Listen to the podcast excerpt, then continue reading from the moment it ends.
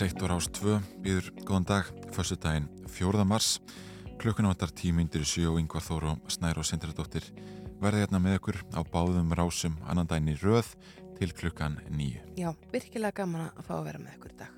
Já, einmitt. Gaman að þessi förstar. Og, og við fögnum því líka þessi förstu dagar og, og við fáum að vera hérna á báðum rásum. Þættinni samkerðir eins og þeir voru í korunverufaraldrinum voruð 2020. Einmitt. Þetta er hrætt að líða. Já, þetta er hægt að líða en, en hérna hægt þó. Þannig finnst við hafa verið stött í því í tvö ára en nú erum við hægt að spá í því. Já, já. Þetta er bara til í fortíðinni, það verður gaman að segja barnaböðnunum og barnaböðnunum frá þessu mm. þegar að framlýða stundir en uh, nú er uh, þetta búið. Já, já, við, við, við vonum það alltaf. Alveg, algjörlega. Herri það ekki sér rétt að renna stutt yfir hvað verður í þætti dagsins. Nú Sveitur Rúnar Sigursson og einhverna hans Marja Vigovska tók á miðugudagina múti tveimur konum á samt börnu þeirra sem flúðu frá Úkrænu. Önnur konan er mákona Marju en bróðir Marju var eftir í landinu til að berjast og við ætlum að ræða við Sveinur Rúnar sem hefur haft millegöngum aðstof fyrir fleira fólk á flóta þar sem hann hefur sterk tengsl við landið núna upp úr klukkan, já, svona kortir yfir sjö. Emitt, upp klukkan hálf nýju þá ætlum við að ræða það að í gæri nótt brann yðnaðar húsnaði í Kópói en 14 manns voru inn í húsinu og virðast hafa þar fasta búsetu. Verður að taka það fram að engan sakaði að mista kosti ekki alvarlega. Ósamþygt íbúðarhúsnaði hefur lengi loðað við fyrirtæki sem hafa milligungum komu Erlands verkafólks hinga til lands og skemmst er að minnast þess þegar að mannskæði varði í skellvilegum bruna á Bræðarbrókastíg sumar 2020 þar sem um ósamþygt íbúarhúsnaði var að ræða. Við ætlum að ræða þess stöðu verkefólks við Drífu Snædal, fórsetta ASI, já eins og ég segi uppur klukkan halv nýju. Já, einmitt. Nú við vaknum alltaf vanalega með hlustundum rásar 2 en, en hlustundur rásar 1 eru ekki örvenda hvað förstu liðina varðar og heldur ekki okkar hlustundur Nei. því eins og alltaf á förstu dögum á morgunvaktinni fer Jóhanna Viti Sjaldadóttir þingfrettamæður yfir störf þingsins í vikunni sem er að líða en þar var umræðum ástandi í Úkrænu yfir og allt um kring og af nógu öðru er einnig að taka og við komast vondi yfir sem mest með Jóhannu upp úr klukkan hálf átta. Og upp úr klukkan átta e, já, á förstu dögum förum við í, í morgun útvarpunu alltaf yfir frettir vikunar með góðum gestum. Og því er engin undatekning í dag til okkar koma Gísle Freyr Valdósson nýr fréttastjóri viðskiptadeildar Morgunblansins og Birta Bjöstóttir, fréttamaður á Erlendu deild fréttastofu Rúf. Emitt. En það verður líka mikið um dyrðir í þjóðleikusunum helgina. Á morgun verður einn umfangsmesta leiksýning leikusins fyrr og síðar förum sínt, fjögur að tíma síning, tvö hlje og 29 leikarar á sveiðinu hvorki meira minna. Magnús Geir Þorðarsson, þjóðleikustjóri og Hrafnildur Hagalinn, dramatúrg, koma til okkar og segja eitthvað frá síningunni framúrskarandi vinkona. Alltaf svo gaman að vera leikús. Já, það er ánægilegt. Já, ef með tvo meða í leikús. Já, hvað ætlar að sjá? Ég ætla að sjá Ástu. Já, ég sá þá frábæru síningu núna síðustu helgi. Já. Og bara stórkostlega á alla máta. Aha. Já. Þannig að ég held að það er alltaf að laka til að færi leikús. Já, og ég er búin að fara mikið í leikús og vetur og, og hérna hefur verið mjög heppin með það sem ég hef séð. Já. Eh, annarkvært það eða bara Íslands leikús er, uh, já, bara heimsmannleik hverða. Já, já. Mjög gaman. Ég var að líta á fórsýður bladana. Hvað er á fórsýðum fréttablasins, Nerós? Uh, ég er á fórsýðu fréttablasins er um, fyrirsögnum óttast viðvarandi skort á vinnuafli næstu ár. Það er mikill skortur á vinnuafli á sama tíma og húsnæðaskortur er um allt land en stærsta áskorun íslenska atvinnulífs nú um stundir. Uh, þetta kemur fram í uh, nýri rannsókn samtaka atvinnulífsins að 12.000 manns þurfu að flytja til Íslands á næstu fjórum árum. Störfum fjölgar um 15.000 á þessum tíma en náttúrulega fjölgun vinnuafl á sama tíma nefnur aðeins 3.000 manns. Og Haldur Benjamin Þorbergsson, framkvæmda sjóri samtakana, segir skort á vinnuafli geta hamlað hagvexti hér á landi. Þetta er forðunlegt.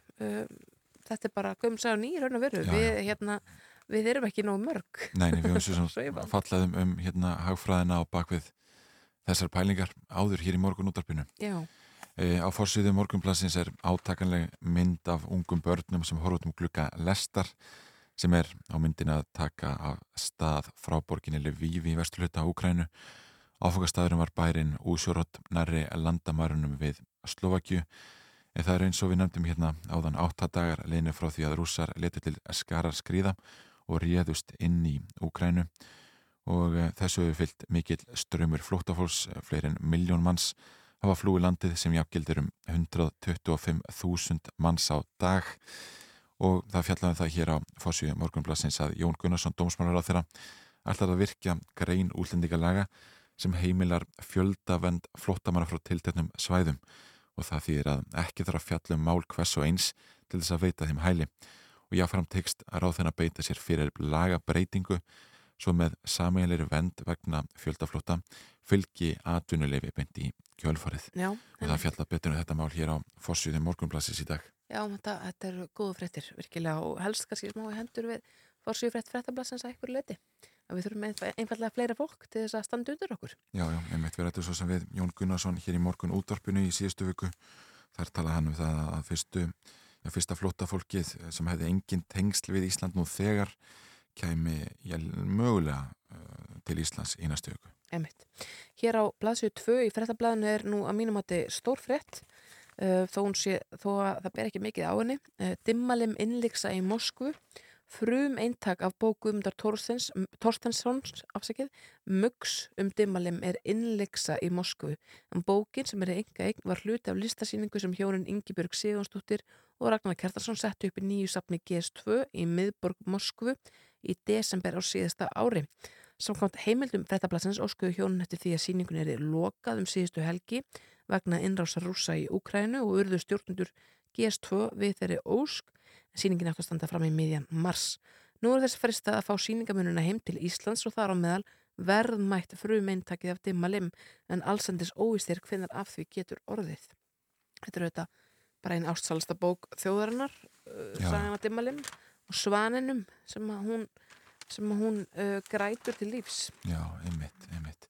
Hér á annari síðu morgunblassins er fjallan um það að orkustofnun bendi sérstaklega á mikilvægi heilstæðrar stefnu í vindorkumálum til dæmis á lands- og sveitarstofnastígi e, og þetta kemur frem í umsögnum lagafrumvarp á alþingi. Þar eru fjallað um afumörkuð svæði með tilliti til heimilda til vindorku nýtingar en slík stefna þurfti einni að ná til þess ef margir smarri aðilar, svo sem landegjöndur og sumarbústægjöndur, sækjast eftir að koma upp vindmilum á eigin landi. Og orkusafnin tilur að með tilkomu reyn orku pakka, Európa-sambansins og mögulegri upptöku hans á eróska efnaðsvæðinum, séu minni og starri aðilar kvattir til nýtingar á endur nýjanleiri orku og það sé líklegt til að auka áhuga á vindorku nýtingu hér á landi jæmt á stærri og smerri mælikvarða.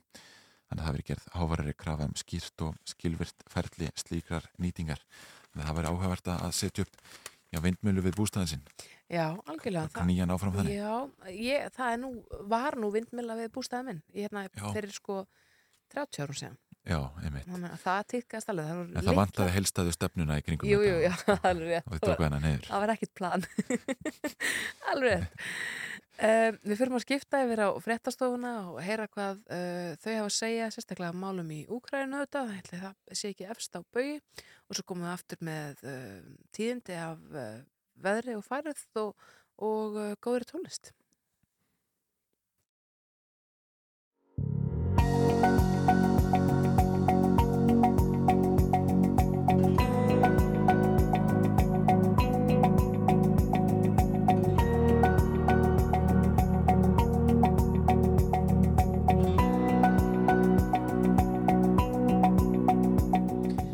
Bjóðum góðan dag hér í morgun útarpunu á Rás 1 og 2 Snæður og Sundardóttir og Yngvar Þór Björnsson við verðum með ykkur til klukkan 9 fyrstu daginn 4. mars. Já, við vaknum vanlega með hlustundur ásar 2 Já.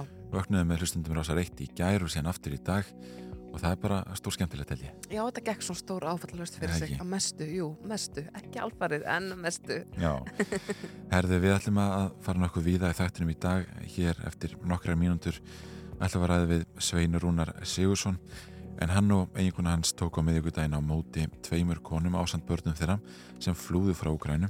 Nú önnu konan er mákona Marju sem er kona Sveins en bróðir Marju var eftir landinu til að berjast og við ætlum að ræði við Sveinur Rúnar sem hefur haft milligöngum aðstóð fyrir fleira fólk að flota þar sem hann hefur sterk tengsl við landið.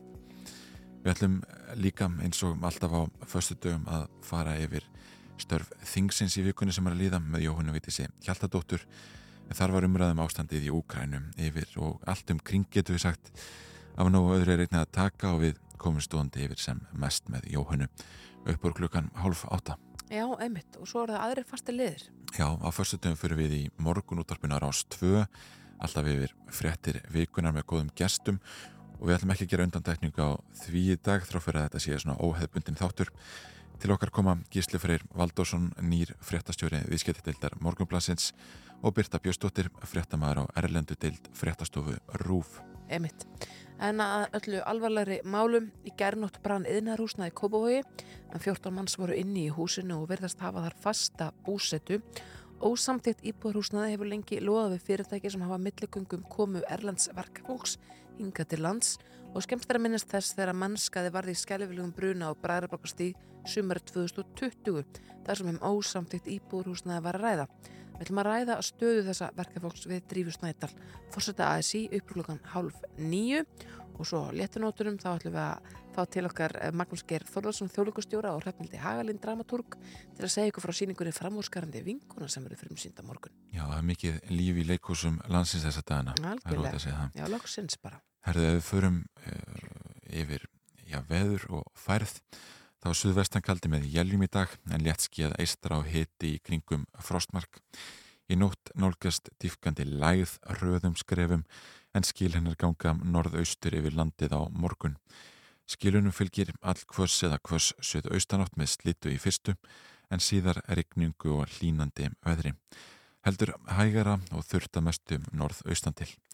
Um kvöldið snýst í hægari vestanátt með slittu vestast en á sunnudag leggst enn í suðvestanátt og snjóar víða á landinu en regnir síðst og austast og útlitir fyrir áframhaldandi lægðagang í næstu viku. Einmitt. Hér á vegagerðunar kemur fram að, að það sé tölvert af um, hólum að myndast í, í bundnu sleitlægi bara um all, all land, sérstaklega sögur og vesturlandi. Að öðru leiti er vetrafærð um land allt og vegurinn krísuvíku vegar lokaður en uh, það skal tekið fram að ferjan Baldur, hún mun ekki sikla í dag. Fyrir ekki við, hún mun ekki sikla sunnundaginn 7. mars og óvisa með siklingar mándaginn 7. mars vegna viðgerðar á vastælu. Eh, þannig að fyrir þau sem að ætla að vera ferðinni um helgina þá er kannski verðt að skoða það eins en að öðruleiti þá er svona uh, nokkuð bara greiðfært þannig séð, vetrafærið og, og full ástæðilega að fara varlega Já, já, einmitt og, og það verður já, blöytt og kallt í dag og áfram. Laðirna að koma á, á færibandi e, þessa dagina einhvern veginn. Já, já, einmitt, það, við þekkjum það, það er gömur í.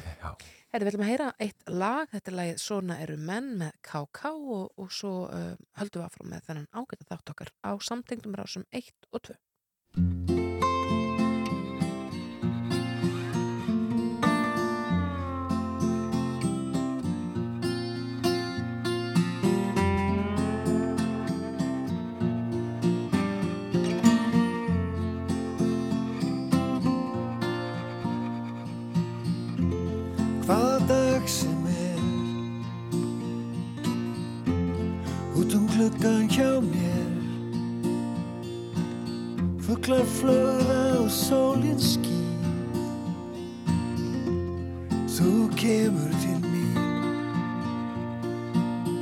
Þreyttur og brotin sestu við mitt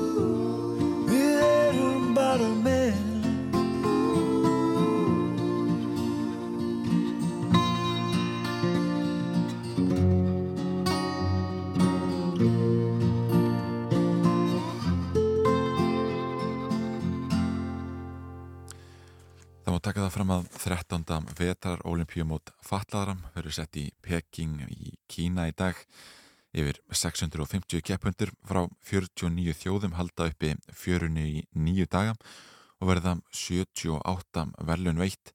Það fjallaðum þetta á greina góðan hátt á vefsíðum RÚF. Emitt, hann Hilmar Snær Örvarsson keppur í Alpagreinum, Azerbaijan, Ísrael og Porto Ríko senda keppundur í fyrsta sinn og Líktinstan, Ísland og Lettland eru með á ný eftir mis langt hlje.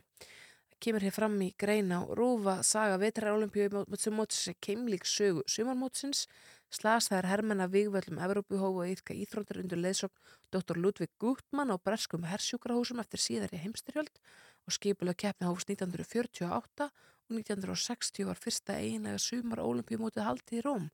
Íþróttafólk af þessum leikum sem hafði áhuga á vetraríþróttum fór að prófa sig áfram á skýðum, þróun búnaði var þá hæg og það var ekki fyrir ennum 1974 sem fyrsta skipulaða skýðamóti fyrir fallað íþróttafólk fór fram og var þá aðeins keft í bruni og skýðagöngu en fyrstra vetrar olimpíumótið fór svo fram í februar 1976 í Örnskóldsvík í Svíþjóð Keft var í alpagreinum og norrannum greinum fyrir aflimaða og sjónskerta og voru keppendur 198 frá 16 löndum.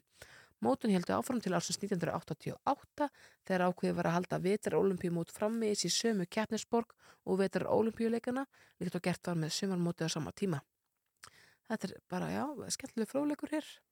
Uh, það eru sex fallunaflokkar og mismunandi undirflokkar. Já, Það eru aflimaðir, það er uh, fólk með heilalömun eða cerebral palsy, það heitir. Það er fólk með þroskahamlun, uh, það er fólk sem keppir í hjólastól, sjónskertir og svo aðrir sem er íþjóttafólk með annars konar föllin sem fellur ekki undir hína fimm flokkana. hér er einnig tekið saman hverjir hafa verið sigur sælastir í gennum tíðina og það eru þjóðvirar en þeir eru eins og er í harri keppni við norðmenn og bandaríkin fylgja svo ekki langt á eftir. En alls hafa 34 þjóðir nælt í velun á vetrar olimpíumótunum en Ísland er ekki þar á meðal. En Íslandst íþróttafólk hefur unni til eh, ég er umlega 60 velun á sumarmótunum. En aldrei á vetrarmótunu en það já, fer nú vond að koma því Já, vonandi við allan að við minnst ekki höldum með Hilmisnæ örvarsinni, það er Mhm. bara þannig að hann keppir í þessum alpagreinum og Já, hann er eini keppandi Íslands að þessu sinni eins og þú nefndir keppir í Svíi og Stórsvíi.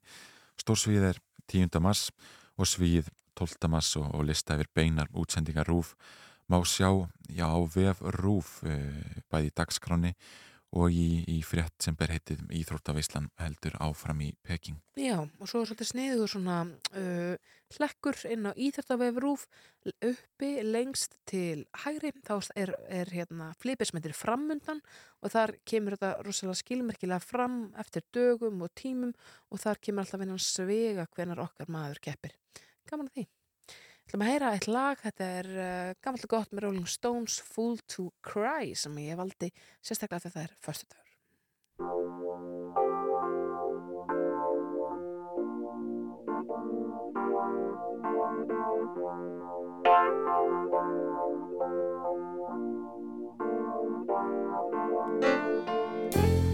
When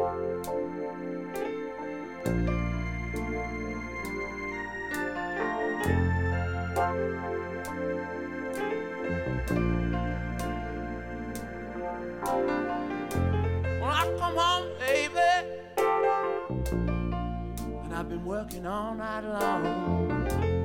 I put my daughter on my knee.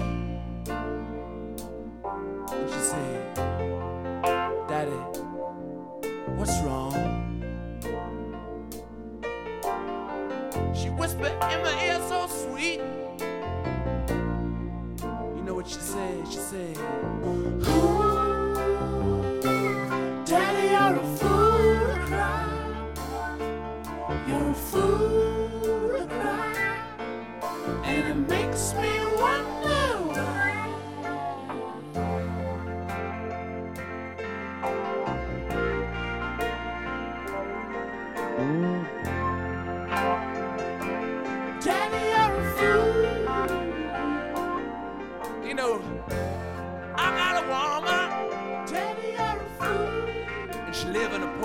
Of town. And I go see her sometime. We make love so fine. I put my head on her shoulder. She said, Tell me all in trouble. You know what she said? She said, Ooh, Daddy, you're a fool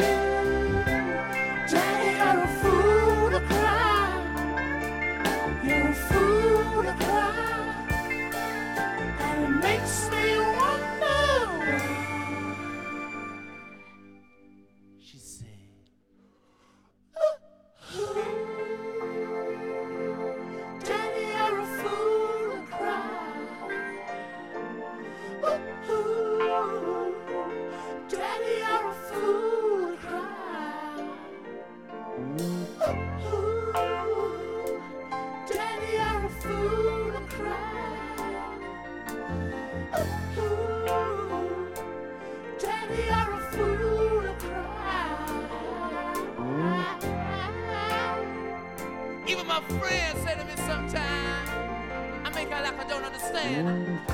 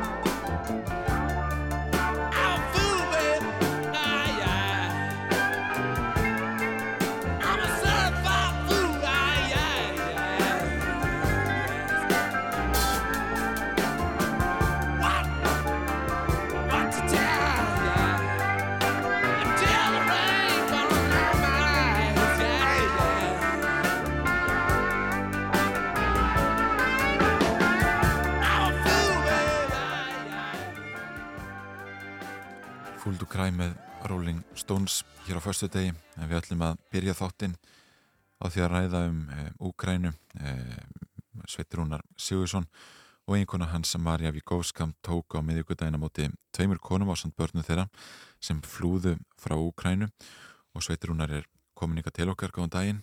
Góðan daginn. sko þú hefur sterk tengsl við Úkrænu Já, ég hef starfað hérna í, og verið með annar fótinn hérna í 17 ár og uh, þekki vel til og þetta stendur mér næri. Já, einmitt og, og hvernig voru samskipti þessara þjóða þegar þú varst úti? Já, þetta sem er að gerast núna á sér uh, langa sögu. Það er nú oft sagt að stríðið sér sannleikurinn fyrstu til að deyja en, en svona hvernig sannleikurinn hefur verið að fjara út í, í Rúslandi þessu áður mikla landi eh, á sér 22 ára sögu frá því að þessi maður kemst til valda Mhm. Og, og hérna, það er alveg grátlegt að, að hugsa til þess að þessi mikla þjóð Rúsland með sína miklu sögu og arfleið sem að, sem að snerti líf okkur allra á daglegum sko, uh, basis uh, sé núna skjálfest á merkum fundi saminuð þjóðana orðin að úrræki þjóða í, í samflóti með Eritríu, Norður Kóru, Kvítarúslandi og Sýrlandi. Um, þetta er ekki uh, eitthvað sem endur speklar kannski rúsneska þjóð en þetta endur spekla þá stöðu sem upp er komin gagvart þeim glæbamunum sem að stýra þessu landi í allt frá falli Sovjetríkjana um, það mætti ennfremur kannski hafa mörg orðum það sko í hverju fælst munurinn á þessum tveim þjóðum sem að nú deila. E, það mætti hafa það mörg orð en, en munurinn sem skiptir máli fyrir mig og þig og alla aðra er sá að, að á þessum sömu uh, 20-22 árum sem að þessi maður hefur ráðið yfir Rúslandi, þessi rugglaði rústakessari þá hefur hinn þjóðin, sískinni þeirra á bræður í Úkrænu í þrýgang ítt honum frá sér með molotov koktulum dekkjuhleðslum á gödum og fyrirstöðum og handlabli Mhm. og, og vilji þeirra til þess að öðlast loks líðrað eftir 100 ára baráttu er, er vonandi uh, í nánd þótt að blóðut sé. Þú tókst á móti uh, já, flótafólki í gær, þú og þín eiginkona. Getur þú sagt okkur frá því? Já, ég á fyrirtæki, tvö lítil fyrirtæki á, á teknisviði hugbúnar fyrirtæki sem eru með starfstöður í kænugarði en starfsmennir eru á dreifum um landið og, og hérna þegar þetta gerist svona þetta lána í loftun en einhvern, einhvern veginn neitaði maður að trúa þessu að þá náttúrulega bara upphófst einn allsfjörar upplust og maður er búin að vera alla tíð síðan að reyna einhvern veginn að vinna úr þeim fjölda mála uh, sem snúið til að koma þessu fólki í örugt skjól og, og þetta er undið upp á sig, þetta er ráðnar ömmur og afar starfsmanna og, og vinir og, og önnur konan sem er hinga komin og vinkona uh, mákonu minnar og þær voru hérna sem sagt viku á ferðalagi uh, undir þessum sprengjugni uh, yfir til Póllands og þaðan til okkar og við höfum vona á fleirum í lok mánaðarins. Mm. Og, og hvernig leið þessu fólki þegar þú mætti því á, á löfstuð? Þetta var skelvilegt hvernig hægt er að kúvenda lífi venjulegs fólks á viku tíma Mm. og, og, og það er alveg ljóst frá mínum bæðurum sé bara sem læknir að það þarf mikla uppvinnslu fyrir, fyrir bara andlega stöður og ekki síst fyrir þær sakir að eiginmenn og ástunir flestra þessara kvenna og barna sem að hinga munu koma Já. eru að verja landsitt. Ég Mhm. teka fram að margir þeirra eru ótrúlega nokk að gera það fúsum að frálsum vilja en það breytir ekki því að, að þetta er náttúrulega hræðileg staða fyrir, fyrir konur og börn að vera í. já, gríðilega erfitt að skilja mennin eftir uh, í heimalandinu. Við getum rétt ímyndað okkur. Uh, hvernig uh, þetta fólk sem að, að þú hefur verið að taka á móti, sko, að sjá þau fyrir sér sittast að hér eða eru þau einfallega á Íslandi tímabundi bara til þess að, að, hérna, að flýja sprengjuguningin og, og koma svo aftur heim þegar að, að Úkræna hefur unnið Rúsland? Tvímælulust og velmælt. Úkraina hefur unni úr Rúsland nú þegar. Eh, sama hvernig fer á jörðuneyri. Eh, þau munu fara aftur heim og, og það er skilanett öllum sem að hafa komið til Úkrænu. Úkræna er kannski framandi orð og framandi land og oft misframborið sem Úkranía Emitt. Eh, en, en þetta, er, þetta, er, þetta er stendur okkur nærri, við hliðan á Pólandi aðgengilegt í, í flugi fólki einstaklega gestrisið og ég er sannfærður um það að öllu þessu fólki langast nú aftur heim líkt og okkur sjálfum ef okkar borg var í lögði í rúst tímaböndið. Emitt. Þú talar um það að, að Úkræna hafi já, nú þegar unnið Rúsland uh, hvað áttu við? Nú, hver eru afleðingarnar?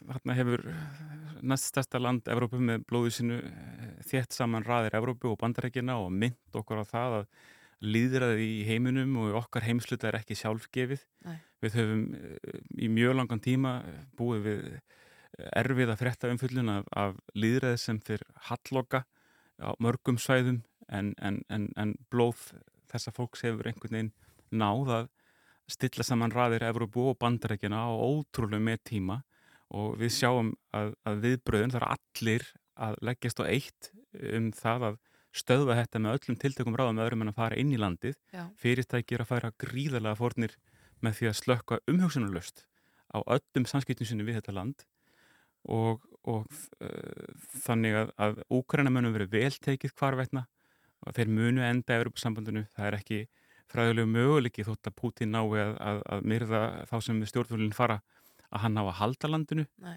og þetta er tímabundi ástand og þess vegna segja að þeir hafi þegar unnið bæði hug og hjörtu og Mm. svo baráttu sína fyrir bættum heimi. Já, En Sveitrarunar, þeir langar að spila lag hérna í loki sem þú komst með í farteskinu þegar að þú komst hérna í ljóðferð fyrir nokkur myndum síðan. Þú sagt okkar hans frá þessu lag? Já, sem, sem tónlistamæður í annan leikin og, og mikið jólabatn, ég heiti nú Sveitn og á ammara aðfanga dag, jólasveitn. Mikið jól- Jólasveinn. Já, þetta er húmor fóröldra minna Eh, Þau hafa, já, ég hef hann ekki frá þeim allavega Nei. En, en sem sagt, málið er að hérna, ef maður horfir yfir sviðið og horfir á svona vinstilustu jólalögu veraldar þá er eitt Já. sem sker sig úr Já. það heitir Karol of the Bells er einstaklega tregablandið og andurslóttið í læginu er, er mjög ólíkt öðrum frægum jólalögum Já.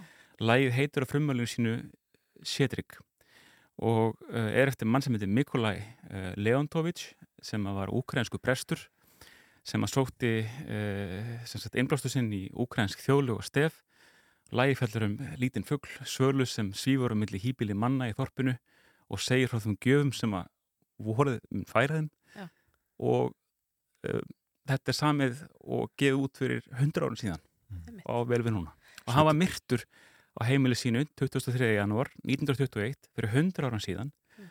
af Kremlarstjórn af sömu ástæðum nú. Sveitrúnar, læknir og tónlistamæður þakkaði fyrir að koma til okkur að ræða ástandið í Úkrænu.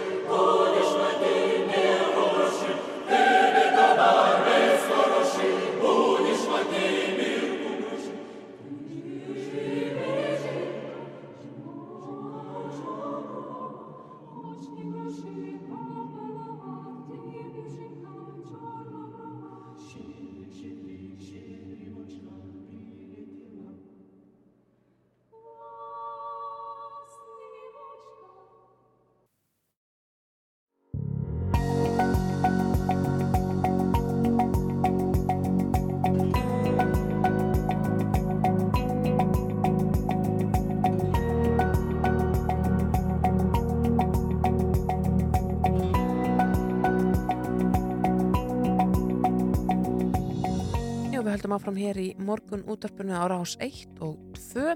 Það er samtengt á milli rása í dag vegna forfalla í morgun vaktinni á rás 1 en uh, það uh, gerir þá ekki til því að við Yngvar Þór Björnsson erum með stúdfellan þátt. Já, já, einmitt og, og e, hlustendur munalust þegar þættinu voru samkerðir já, voru 2020 í faraldrinum það ekki þessi stef sem við erum að spila Einmitt. þaðan og já, okkur þykir vantum það hlutverk að fá að vakna með hlustendum rásar eitt líka. Já, heldur betur. Uh, á fastu tögum í morgunvaktinu á rás 1 þá fer Jóhanna Vítis Hjaltadóttir þingfréttar maður yfir störf þingsins í vikunni sem er að líða.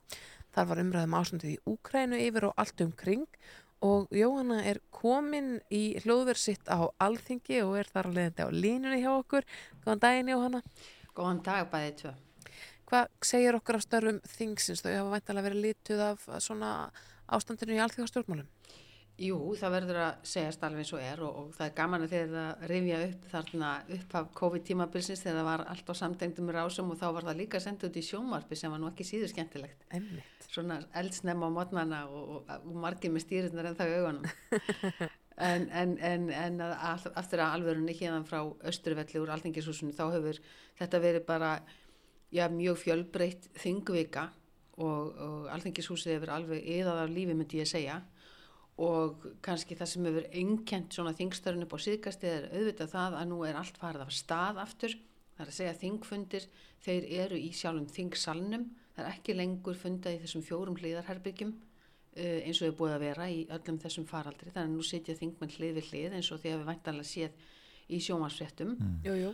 og síðan er alþjóðastarfið er farið af stað og sem þýðir það að þingmennir er byrjaðar að fara aftur til útlanda og sækja uh, alþjóða fundi og það var tákgrant í síðustu viku þennan örlega líka fymtudag að þá voru einmitt hópur þingmanna á fundum erlendis þar sem að, að átti kannski í lók þeirra funda þar sem til dæmis var að ræða öryggis og varnamál átti svona að ræða stuttlega í lókin kannski ástandi í Úkrænu það var sama dag og, og innrásin hófst þannig að já síðan þessi innrás hófst aðfara nótt 24. februar í síðustu viku þá hefur eins og því orðið að umræðum Úkrænu verið yfir og allt um kring á alþingi.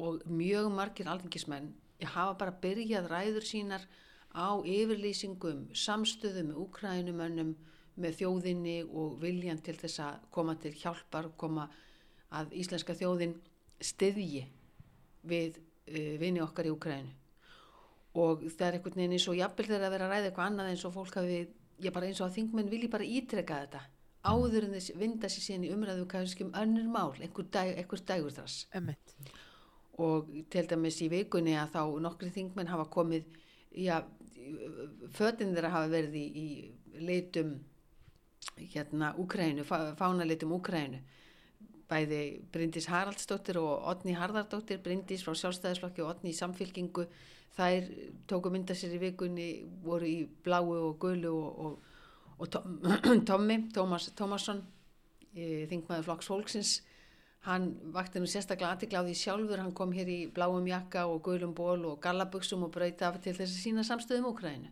Ömmit. Já, já. En, en þetta hefur náttúrulega lita töluvert umræða líka um, um útlendingamál og, og málefni flótafólks.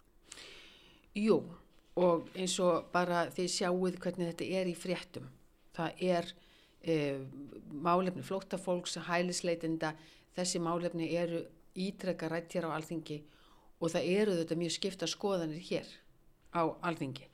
Og eins og bara kom e, síðast fram bara hér á alþingi í gæra þá er Þórildur Sunna Ævarstóttir sem er varaformaður Þingflokks Pírata er að spyrja í rauninni já, félags- og vinnumarkasar á þeirra Guðmundinga Guðbrandsson út í orð Jóns Gunnarssonar dónsmálar á þeirra og þau orð hans hafa já, vakið mikla aðtikli hvort sem að, að það, þau eru ekki beintu upp en, en Jón mun að hafa sag, eða sagði í fréttum stöðvar tvöum daginn hann líst yfir áhyggjum sínum að því að að aðrir flóttamenn myndu svona teppa aðstofuna fyrir þá sem verður að koma frá Úkrænu. Já, já, og þetta endur tók hann í raun hérna einmitt hjá okkur í morgunútapinu. Nákvæmlega fyrir þessari viku. Þetta vakti tölverða, ég er bara tölverð hörð, tölverð hörð viðbröð. Jú, þetta vakti tölverð hörð viðbröð og út um allt, ekki bara hjá stjórnarnanstöðinu líka heldur þegar að, að heimsbyggðin öll stendur frammi fyrir þessum hryllingi sem á sér stað í Úkrænu og, og nákvæmnalandunum og uh, hún spurði, Þórildur Sunna spurði hér í óundibúinu fyrirspurnum á Alþingi í gær, spurði Guðmundinga Guðbrandsson reynd út um þetta hvort að þetta væri bara leift að tala svona og hvort að hann hefði ekki áhyggjur af þessu málflutningi að, að, að þegar að dósmann á það tjái sig e, með þessum hætti eða með þessum hundaflöytu hættali eins og Þórildur Sunna orðaði það sjálf. Og Guðmundur Ingið þetta kom inn á það að heimsfriðinum væri ógnað og það yrði að tala varlega og að varkárð og verðingu um fólk þegar að þessi og sína samstöðu þegar þessi þegar það væri svona ástætt í heiminum. En hann hins vegar tók af allan vafa um það að það verið ekkit verið að teppa eitt eða neitt og, og málefni annar að hópa myndi ekki að hafa neina áhrif á það. Já, hvernig er þetta tekið á móti fólki frá Úkrænu og, og var mjög afdráttarlaus í þeirri skoðun sinni og, og saði bara ítrekkað að það verður nú ekki mikið mannúð í því. Að ætla að nota einhvern annan hóp sem skálkaskjól fyrir hinn og uh, þetta kom nú fram í fréttum hjá okkur í gær og, og, og vakti held í töluverða aðdekli hver afdráttarlaus ráð þegar hann var í sínum svörum. Það skiptir máli hvað Guðmundur segir þarna. Er þetta ekki, heyrir þetta ekki einmitt undir Jón Gunnarsson, útlendingastofnun? Jú, uh, Þóraldur sinn eins og kom fram í fréttum í gær þá var Jón Gunnarsson í Brussel í gær og þar sem hann tók í þátt þessum samílugum ákverðum eins og Európusambandi og Schengenlandin um það að taka múti fólki frá, frá Úkræðinu.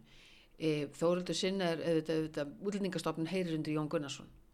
En Guðmundur Ingi Guðbrandsson er þingmaður vinstrikarna, hann er uh, vinnumarkaðs ráþæra, félagsmálar ráþæra þannig að svona ángi af kannski þessu málaflokki heyrir undir hann.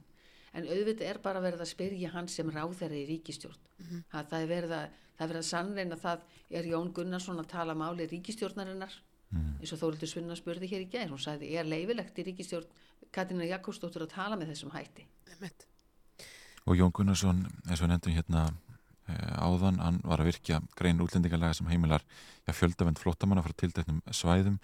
Það hlýtur að skipta talsveru máli og, og sumulegis þessi lagabreiting sem sko fylgir um, atvinnulefinu. Já, ég held að það hafi bara allt að segja við þessar aðstæður og, og eins og við höfum séð í fréttum hvaða verðist ríkja mikill einhugur um þessu viðbröð í Evrópu og í Brussel þar sem að þjóðarleituðarnir eru að heitast. En, en þessi mál verður þetta áfram til umræðu á alþingi og, og þetta er verkefni sem að heimsbyðin stendur frammi fyrir núna. Það er þessi, þetta stríð, þetta stríð sem nú stendur yfir.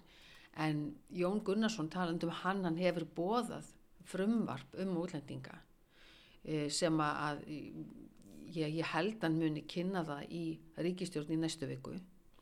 Og það er frumvarp sem hefur verið í samráðskátt stjórnvalda og þykir mjög umdelt sem er, þetta er stórt frumvarp alls er ég frumvarp um málefni útlendinga. Og stjórnarandstaðan hefur mótmælti harlega að fá þetta inn hingað inn í alþingi sem að það kemur nú á endanum og, og og Jón hefur nú svona í að því að það muni kannski ekki taka miklum breytingum frá því að það var í samráðskáttinni en Lógi Einarsson formaði samfylkingarinn að hann sagði nú svona í byrjun vikunar hér á Aldringi að vennilega væri nú þingmenn að kvartundan því að ríkistjórnin kem ekki fram með málin og nú hins vegar væri þú að kvartundan því að þau vildi ekki fá þetta mál. Og, og það geldur um þetta frumvarp og, og, en, en talandu um það þá er einmitt kallað eftir því að það vantar orðið tölvöst mikið að frumvarpum hinga en á Aldringi sem að ríkistjórnin var búin að leggja upp með að, að leggja fram. Mitt. Þú eh, sendið til okkar tvær klippur úr þingstörfunum. Uh, Getur þú sagt okkur aðeins hvað við getum heyrt hér? Já, við, eins og ég segi, stærsti hlutin af þessu klippum tengist Úkraínu með einum eða öðrum hætti. Það er að segja yfirlýsingar sem tengist þeirri umræðu með einum eða öðrum hætti og svo endum við aðeins á já, öðrum nótum en samt ekkert ósvipuðum. En fyrst er það Þorgeður Katrin Gunnarsdóttir formaður viðreistnar sem talar. Ég er afar ánægð með það hvernig fósættisráðherra og ekki síður utanríkisráðherra hafa af einurð og eindrækni stigið fram og lýst yfir samstöðu og öllum afgerandi ákvörðum til samstöðu og samvinnu gagvart ofríki rúsa. Líkt og ég gerði hér í síðustu viku þá fagna ég að ríkistjórnin hafi með afdráttarlausum hætti fordæmt innrás rúsa í Ukrænu og tekið skýra afstöðu með Evrópusambandinu og NATO-ríkjum. Eins er gott að heyra afstöðu hæstvirts utaríkisráðherra gagvart því að greiða hingað leið flóttafólks frá Úkrænu.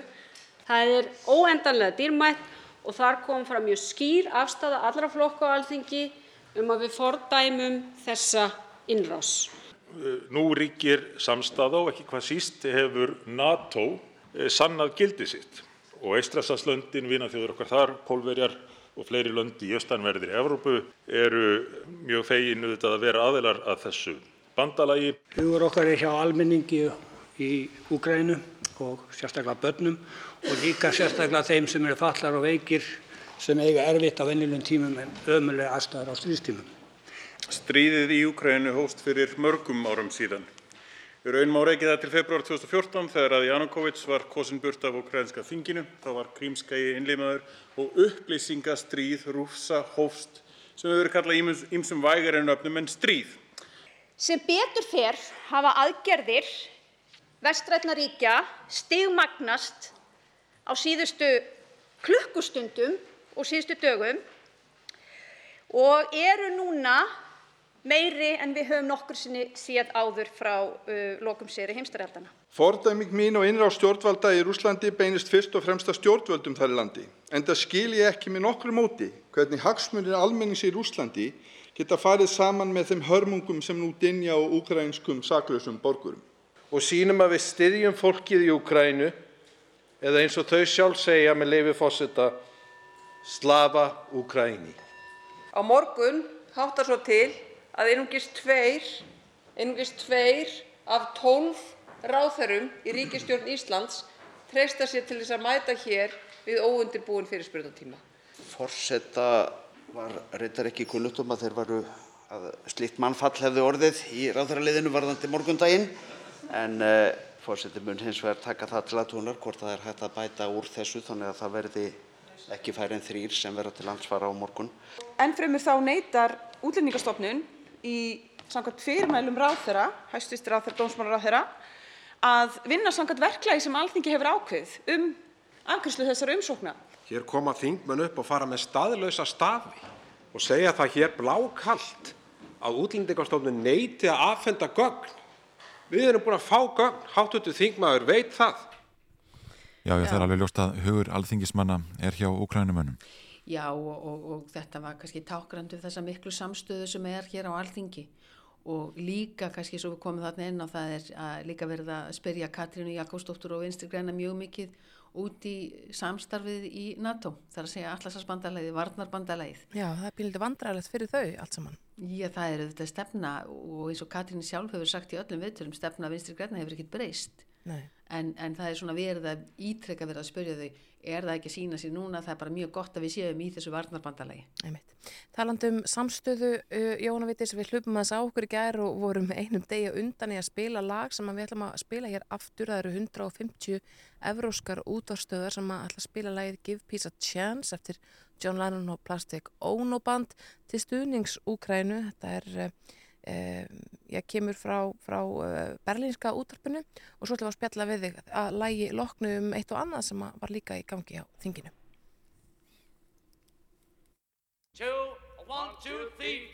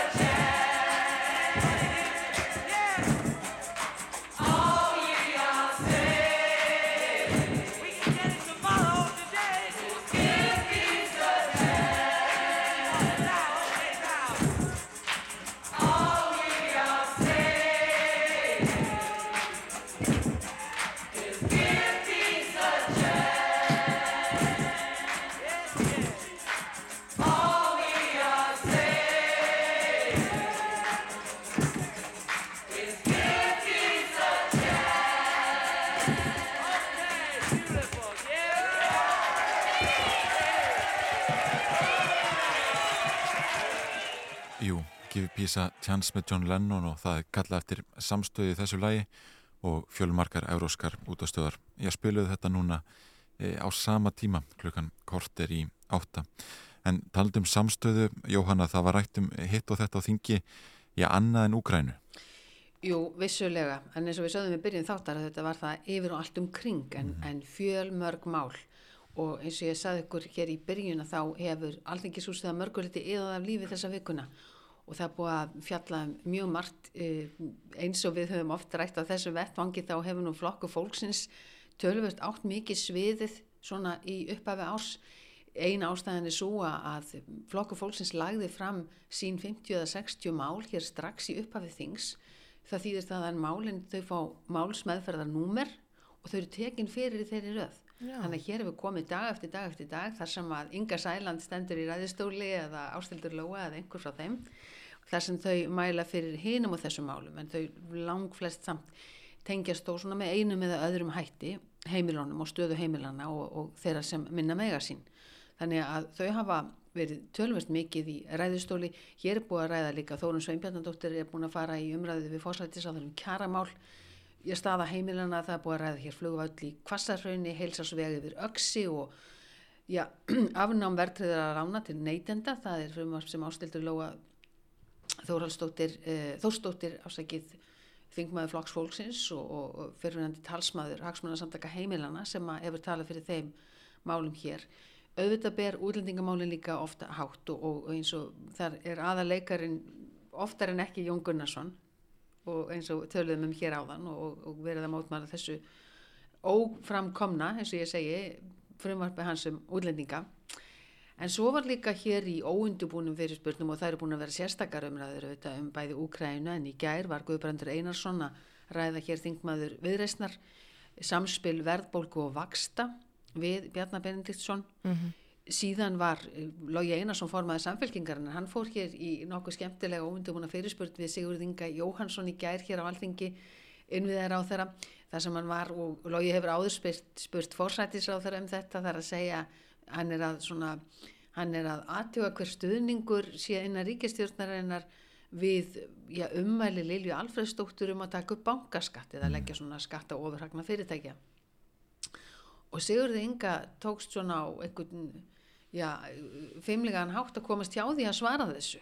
Og, og, og, og svona hálpartinn, já ég ætla ekki að segja snýri útur en, en svona það var mikið um fram í köll og, og hann sagaði samfélkingunum að vera æpandi alla daga þannig að hann á endanum svaraði hann ekki spurningunni. Nei. og, og Þorgerður Katrín Gunnarsdóttir formaði viðreist en hún spurði Sigurð Inga líka um helliseiðina og að hún, hvað hún hefur oft verið lokuð og lengi það sem að, að uh, af er þessum vetri og hvort það kem ekki til greina og var í raun að taka undir með orðum Aldísar Hafsteinsdóttur bæjarstjóra í hveragerði þess að þeir sem búa fyrir austanfjall og þurfa að fara daglega um helliseiðina er að kvart undan þessu en Sigur Ringi sem fer sjálfur þessa leið nánast daglega sagði bara það að veðrið hafi bara verið ofin í vondi vetur og hann vonar að sjáu fyrir endan á því.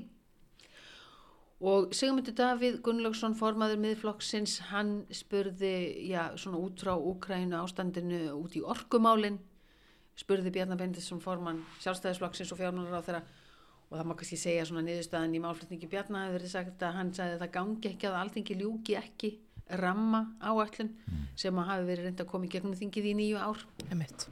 og kannski annað uh, frumvarp sem að líka hefur verið lengi svona einhverstaðara í meðferðum alþingis en uh, Sigurður Ingi formaður framsóknarflokksins sem við erum búin að nefna hérna nokkur sinnum og einvið er á þegar hann mælti sem sagt í vikunni fyrir frumvarpið sínum leigubifriða akstur þetta er í uh, þriðja sinn sem hann mælir fyrir þessu frumvarpi og það hefur aldrei farið í gegn og, og virðist uh, já, mæta andstöðu víða. Ég, ég er ekki svo vissum að andstæðan sé svona gríðarleg á alþingi en hún virðist vera það út í samfélaginu.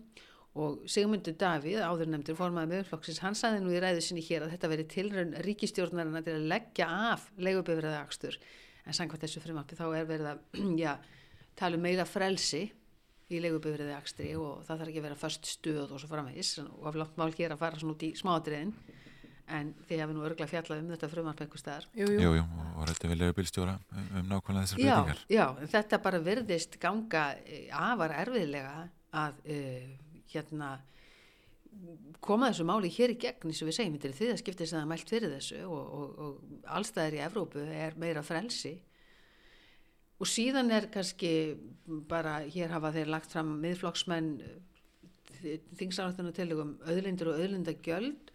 Og svo var mælt hér í gær fyrir máli sem er, held ég, risastórt neytendamál.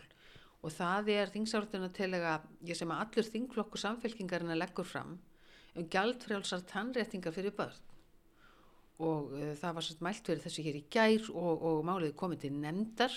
En eru, tann, eh, sko, eru tannrétningar ekki gælt fyrir svo verið börn? Nei, það eru, það eru, það eru tannviðgerðir Mm. upp að ákveðnum aldri en tannréttingar eru í rauninni bara nýðurgreitar ef að uh, það er hægt að sanna einhvers konar fæðingar galla en að annars eru ekki tannréttingar eru ekki niðurgreitar og, og, og hér var komið inn á við að bera okkur saman við hvernig þetta væri annar staðar á Norðurlandunum þar sem er mun meiri niðurgreisla mun meira greitt niður af tannréttingum fyrir börn og, og hér var einmitt og það var komið inn á það hér að einmitt efnaminni fjölskyldur og efnaminni foreldrar að þeir bara veigri sér við það að ráðast í tannréttinga barna sinna og það má ekki vera að gleyma því að í þessar umræði það er ekki verið að tala bara um eh, skakkar tennur Nei. við getum verið að tala um skakt bit eða einhvers konar eh, galla eða sem sérst ekki Einmitt. Jóhanna Viti Sjaldadóttir, við komumst ekki lengra í þetta skiptið. Nei. Þakka fyrir að- að fara yfir störf þingsins. Já, þakka ykkur og gaman að vera á Rástöðu líka Já, takk fyrir það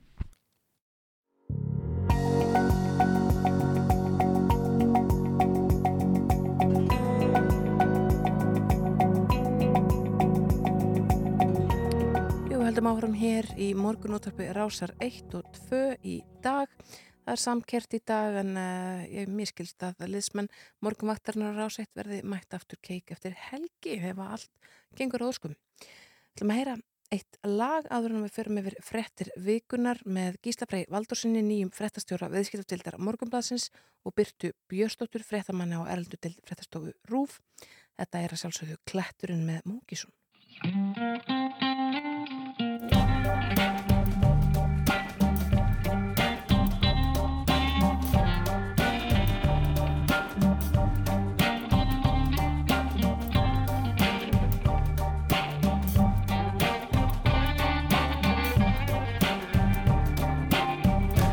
Kölluðu mig klær En dropin hólar stein. Nú sitt ég einn á gangstjær. Á manni leiðina heim. Tóbak og tjú Stitta þá leið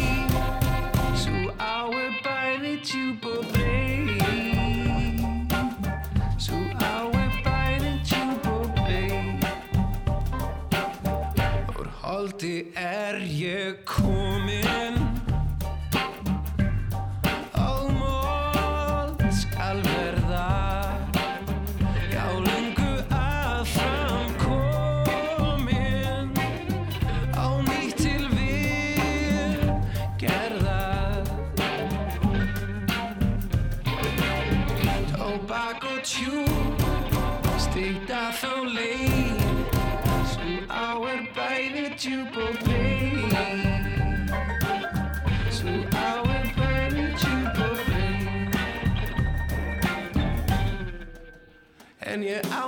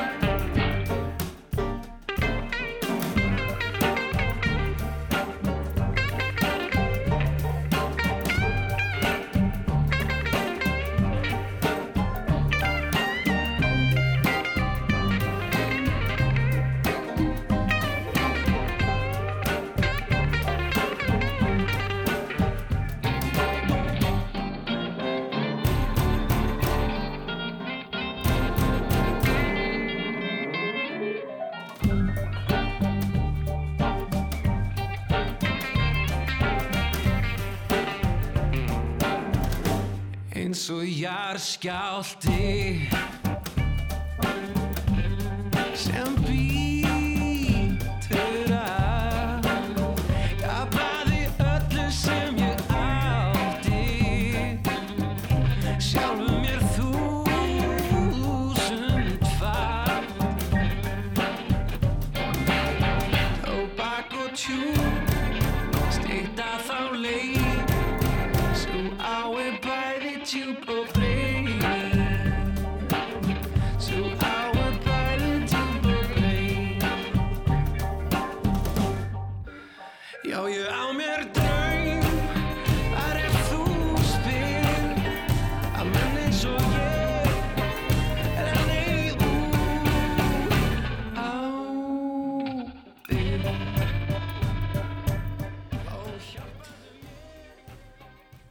morgunúttarpið heldur hér áfram. Á fyrstu dögum fyrir við fréttir vikuna með góðum gestum hérna og á því er engin undantekning í dag.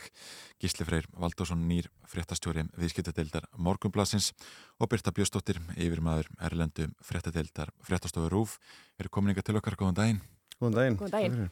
Það eru átta dagar síðan rússar réðust inn í Úkrænu. Sáðu þessa atbyrðurás fyrir ykkur? Ég held að fæstir hafi gert það og allavega vonað að svona færi ekki.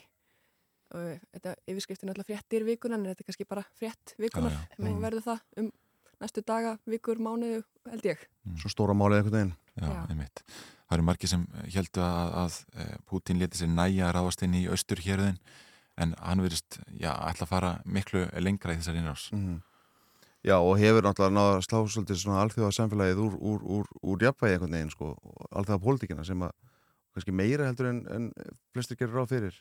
Mhm. Menn er einhvern veginn svona ráðalausir í því hvernig menn ætla að takast á við þetta. Já, það er kannski líka því að enginn var kannski alveg undirbúin og, og allavega og úrraði ekki fyrir að þetta færi svona. Einmitt. En svo held ég að samanskapi líka að eh, Pútín hafi tekist með þessari innrás nokkuð sem að kannski mörgum ráðamönnum bæði hjá Európusambandinu og NATO hefur ekki tekist og það er að þjætta raðirnar innan þessara sambanda alveg gríðarlega. Mhm. Af því að það verðast allir svona á Vesturlöndum og innan þessara innan bæði NATO og Európusambandsins náttúrulega bara að sem, tala sem einn maður í því að þetta sé ekki í búði og þetta verði ekki liðið. Og hann er kannski einhverju leiti búin að einangra Rúsland á sama tíma. enn meira já, enn áður var og hinn er svona standa enn sameinaðri heldur en þau gerðu fyrir viku síðan Sko, við hverjum að búast af Pútín núna þegar að einmitt, hann er orðin einangræður, uh, það eru fólk, sko, algjörlega skýrendur farnir að tala um að hann sé raun og verið nú þegar búin að tapa, hann hafi ekki búist við þessari mótspyrnu og svo framvegis.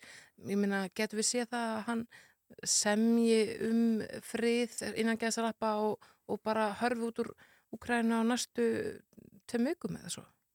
Mér finnst það mjög óleiklegt svona fyrir en það myndast kannski einhver innri þrýstingur, það er að segja fyrir en sko óljugarkarnir eða, eða hersöðingarnir eða, eða hátsett stjórnmálmenni kringum hann, fyrir að þeir fara að mynda þrýsting á hann. Ég held að, nú svona bara með það sem maður hefur lesið og kynnt sér um hann í getum árin, að hún segir bara nokkuð slett sama um núverandi stöðu sko. Vistu, hún er auðvitað óþægilega en, en ekkert meira en það í byli og hann er í stríði og hérna, en, en, en það er, það mynda svona, já, við getum kallað innri þrýsting, Já, ég held að það sé alveg rétt, ég held að hann sé ekki að fara að setjast að samningu boruna því að bætin vill það sko. Nei.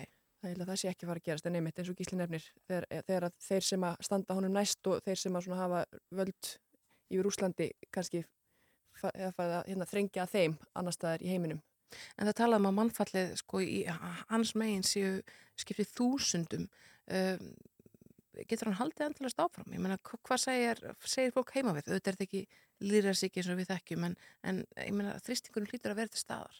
já, ekki líðræðsíki og ekki sko upp, upplýsingaríki sko, ég meina hljómar ekki vel hérna í útarpi á förstasmótna að segja frá því sko, en ég meina eina af eina taktikum hjá rúsum er að flytja sko líkbrennslu opna til Úkrænu eða að landabærum Úkrænu til að brenna sína eigin föllnu hermenn. Já. þannig að það mun líða svolítið tími frá því að, að, að fjölskyldu þeirra heima fyrir fá að vita að þeir séu fallinir eða, eða, eða, eða hvað sem þeim eru sagt. Mm. Þú veist, þannig að upplýsingaflæðið er ekki eins og hér. Nei. þannig að það er hægt að já, segja, viðhalda ein- einhverju ég vil ekki orðið stemningu en, en, en, en svona einhverju móral í, í þessari innrás sko, heima fyrir.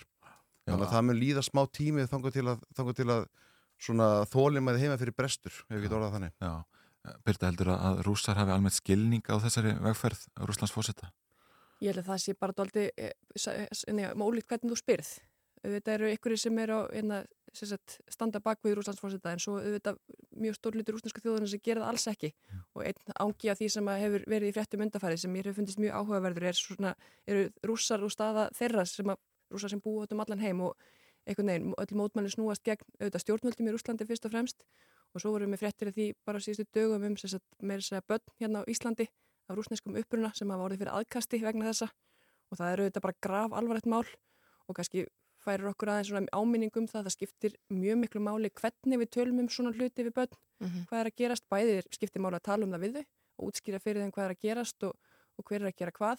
En líka held ég að skiptir mjög miklu máli um eh, skiptir mjög miklu máli um hvað við segjum líka fyrir framann börn af því börn náttúrulega heyra og ég ímynda mér á flestum heimilum sé þetta svona aðal um, umfyllunar efnið og flestir, flestir að tala um þetta og velta þessu fyrir sér. Og ég heyrði á að tala ykkur að krakka hérna að förnum vegi í vikunni og þau voru að tala um sagt, já, Putin er svo rosalega geðvikur ekki, okkar hefur kannski endilega fórsendur til að meta andlega heilsu fórseta Rúslands og svo er auðvitað fullt af fólki sem er, er með geðviki en er ekki að ráðast inn í önnu lönd þannig að það skiptir mjög miklu máli hvaða orð við nótum, hvernig við tölum um það sem er að gerast og bæði við og fyrir framamböld. Já, einmitt. Þetta er kannski ágættis ábending, sko, eh, þessi, þetta er svona rússa svona fyrirlitning sem að, hefur orðið einhvern veginn í þessu andrúslofti, sko, hefur þú ágjörð þessu gísli?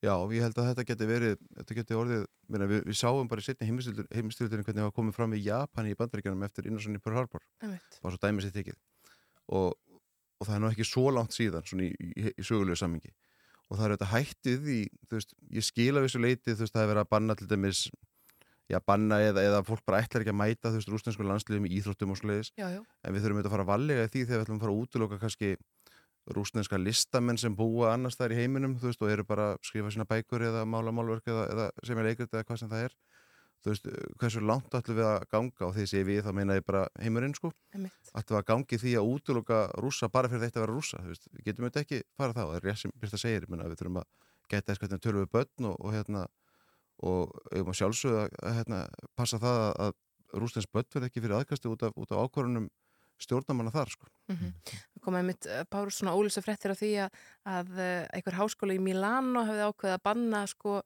bækur eftir Dostojevski sem Mhm. er hérna, já það píl skakt að um já, við hans stöðu Ég er ekki sérstaklega hérna þeirri þróun sko. Nei, ég er sammála því. Það getur ekki, á ekki að fara að setja pennastrykki yfir rúsneska menningu eins og við leggur sig vegna þess að hæstrætti þar ákveður að ráðast inn í Úkræni. Það náttúrulega getur ekki Já, staðið. ég svo að í bandariskum háskóla áttu, áttu var, var hætt við einhvern, einhvern fyrirlestur hjá rústenskur rítjöndi sem ég bara, mann því mér ekki hvað heitir en, en, en þetta er, það er ekki góð þróun sko.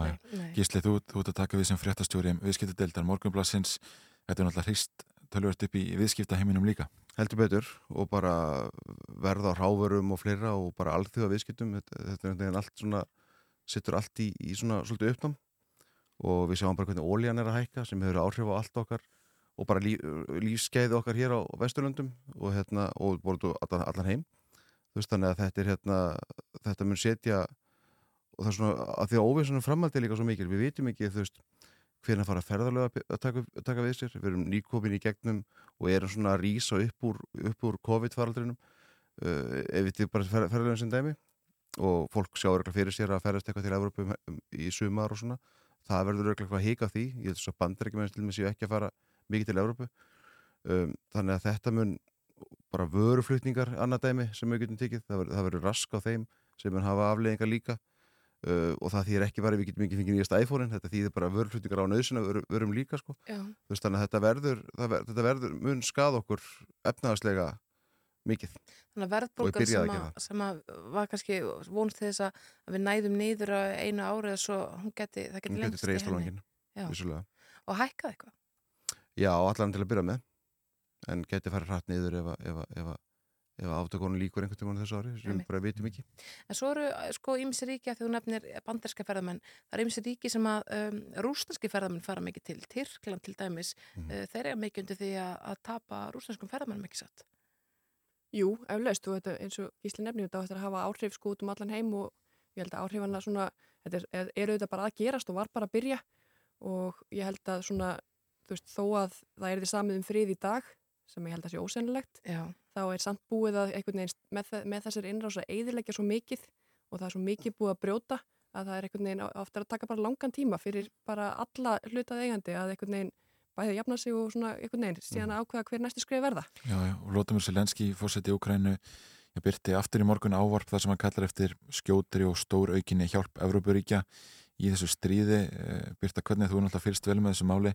Eh, hafa önnur Evrópuríki verið að koma nægilega til móts og til hjálpar Ukrænumænum? E, Það er auðvitað alltaf matsatriði, hvað er búið að gera og hvað, hvað ætti að gera og annað slíkt. En það er auðvitað búið að taka alls konar ákvarðanir eins og bara Evrópasambandi gerði í gær með, en, og tók tímumóta ákvarðanir móttöku flóttamanna. Áður en að svo ákvarðanir við tekinn þá voru regluna þannig að Ukrænumenn sem að kæmu til landa Schengen-svæðisins máttu vera þar held í þrjá mánuði og ekki vinna. Eftir þessa breytingar með að þau koma og vera í sex mánuði og getur svo sótt um áframhaldandi dvöl og fengið að vinna. Þannig að það auðvitað munar miklu og ég held að þetta hafi einu sinni verið samþygt áður á tímum Júkoslavíðustrísins en þá var þetta ekki virkjað. Þannig að það er svona, þú veist, það er ýmislegt verið að gera. Einhver hafa auðvitað eins og þjóðverjar ætla að senda vopn sem er líka svona tímamóta ákvörðun. Eh, en það er auðvitað þetta tekur auðvitað allt svona tíma. Þeir geta ekki, e, e, ríki geta ekki sendt vopn beint inn í Úkrænu, þau verða að fara til dæmis til Póllands fyrst og þar yfir til þess að þetta sé ekki hérna já, sem er tölvöld slókin ekkert. Já, einmitt og tekur tíma. Þannig að ég held að sé svona eh, algjört, eins og ég segi, matsatriði hvort að fólki finnist þetta að vera nóg eða ekki en það er allavega verið að gera alveg helling í svona aðstæðum sem að kannski fæstir gáttu undirbúið sér undir. Mm. Af því að yngur nefnir hérna að Vlóðumir Selenski, sko það er pílindi búið að persóna gera að það stríði þessum tömmunum Putin og Selenski, ég veit ekki hvort að þessi á TikTok en, en hérna ég fæ ekkert um að myndbönda því hvað Selenski er, er tikið kynþokkafullur, sko hvernig stríkur hann ykkur bara sem leðtogi, er hérna uh, já, hvernig heldur þetta svona líka kannski bara farið með hann sem leðtogi, þessi mikla aðtegli sem hann er að fá núna?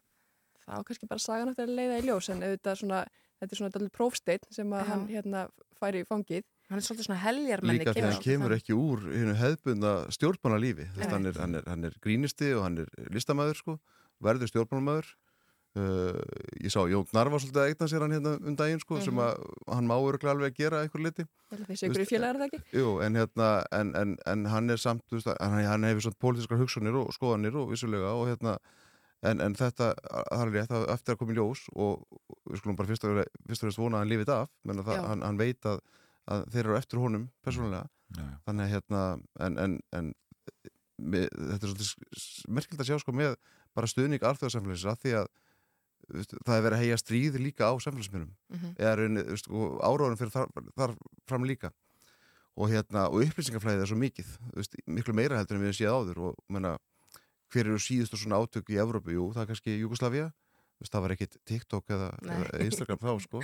Veist, það var ekki verið að persónu gera neina leiðtóga og við sáum ekkit hvað þið voru að gera dagstæglega, sko. Einmitt. Þannig að þetta eru auðvitað breytti tímar. Á reykar mömmur eitthvað stær í Breitlandi að að, hérna, velta fyrir sér kynþokka Nei, eitthvað leðtóa í Júkaslavíu Og ég veit ekki hvort að það sé einhvern veginn eins og fyrir úkrænsku þjóðina, kannski þurfaðu einhverja svona hetju eins og hann er svona, þú veist, kannski, ég veit ekki hvort það er me- meðvitað eða ekki, en svona þegar hann þykkur ekki far hjá bandarækjamönnum út úr landinu og ætlar bara að henda sér í vestið og út að berjast, sko, það er þetta, en svo hefur hann svo sem sjálfur sagt bara, ég, þetta snýst ekkit um mig, þú veist, hættið að hugsa um mig, þú veist, þetta er bara, bara hugsið um úkrænsku þjóðina, hættið að, þú veist, einmitt, hengi ykkur veggspilda mér upp á vegg, ég, ég er bara hérna Já, já. einn af þeim og hjá, hugsið um okkur. Já, já, og sömu sögu má segja um borgarstjórn í, í kænugarði sem er hvað fyrirvandi Nefaleikamaður. Nefaleikamaður, já. Já, heimsmyndstari nefnilegum stóru sterkur og myndalegur Já.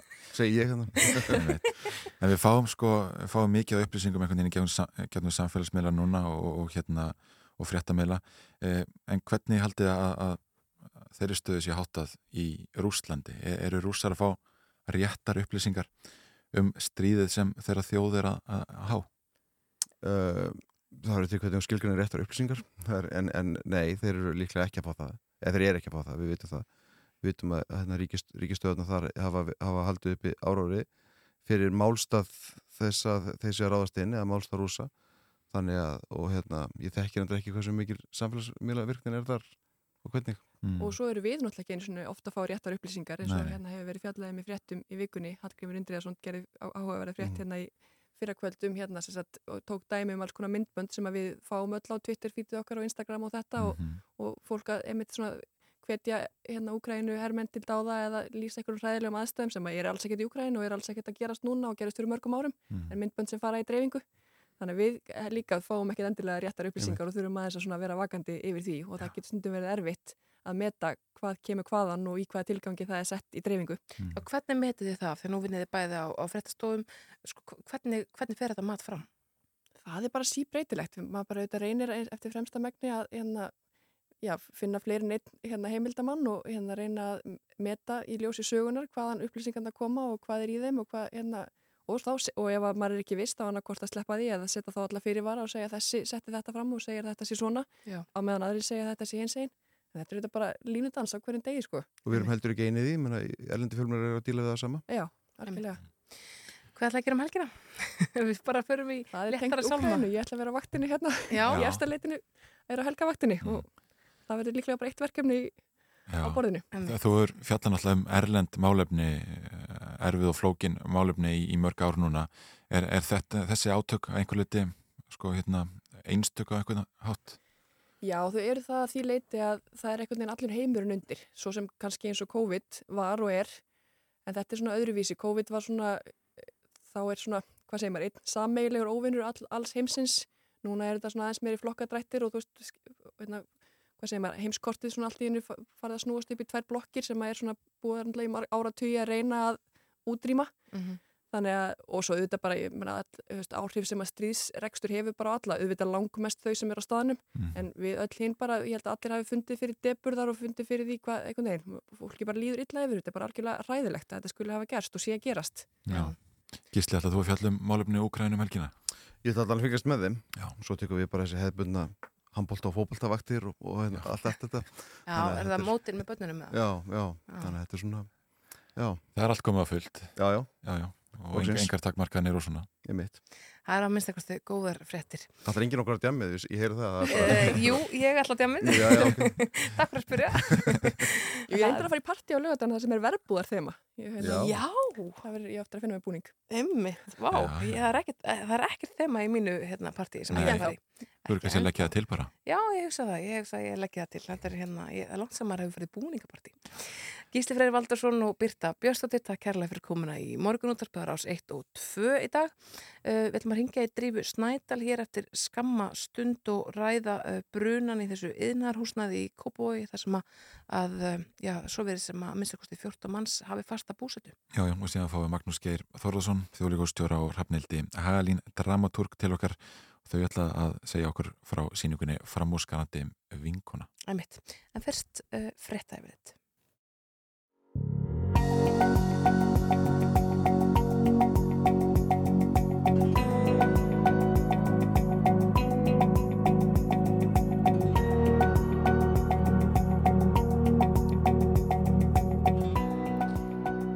Heldum áfram hér í morgun útverfuna á samtengdum rásum 1 og 2. Í gærnótt brann yðnaðarhúsnaði í Kópói þar sem að 14 manns voru inni og virðist hafa þar fasta búsettu, engan sakaði alvarlega sem betur fer en ósamþygt íbúðarhúsnaði hefur lengi loðað við fyrirtæki sem hafa milligöngum komu Erlends verkafólks hingað til lands og skemmst að minnast þess þegar mannskaði varði skelvilegum bruna á Bræðarbrókastíg sumarið 2020 þar sem ósamþygt íbúðarhúsnaði var að ræða. Hún er komin á línunni hjá okkur drífa Snædal, Forseti ASI, góðan daginn. Góðan daginn. Það hefur verið fjallað um þessi ósamþyktum íbúðarhúsnaði núna í, í langan tíma. Eh, hefur eitthvað verið bröðist við eh, þessum málum? Já, það hefur verið gert. Eh, Það hefur verið, verið flutt fréttir af því mörg undarfærin ára. Það er mikið um þetta og, og það er það. Um, en við höfum ekki vita sko hvað þetta er, hvernig, uh, hversu alvarlegt hvort það eldvarti sér í lagi og bara það að búa í atvinnuhúsnaði. Um, sko það, það, eru, það eru til margar sko luxusýbúður í veist, þannig að þetta er ekki bara útlendingar, þannig að atvinnuhúsnaði er ekki að saman á atvinnuhúsnaði. Nei. Eh, og þess vegna fóru við í stóra átak og það er eitt af þessum átakum í húsnæðismálum með húsnæðis- og mannverkjastofnun og slökkvuliðinu á höfuborgarsvæðinu og nú er sko búið að fara, ég held að sé tíu manna teimi eftirlitsfulltrúa frá okkur og fleiri uh, og, og slökkvuliðinu fólk sem kann uh, öll hugsaleg tungumál hefur verið að fara undanfarnar mánuði inn í hvert einasta atvinnuhúsnæði á höfuborgarsæðinu til þess að kanna emmi þetta, uh, kortleggja þetta, ná tali af íbúum aðtuga í hvaða stöðu þeir eru, hvort þeir séu þarna á vegum atunreikanda, hvernig eldvarnir séu uh, og svo framvegs og, og það er skýrslega vænta um þetta bara innan mánaðar.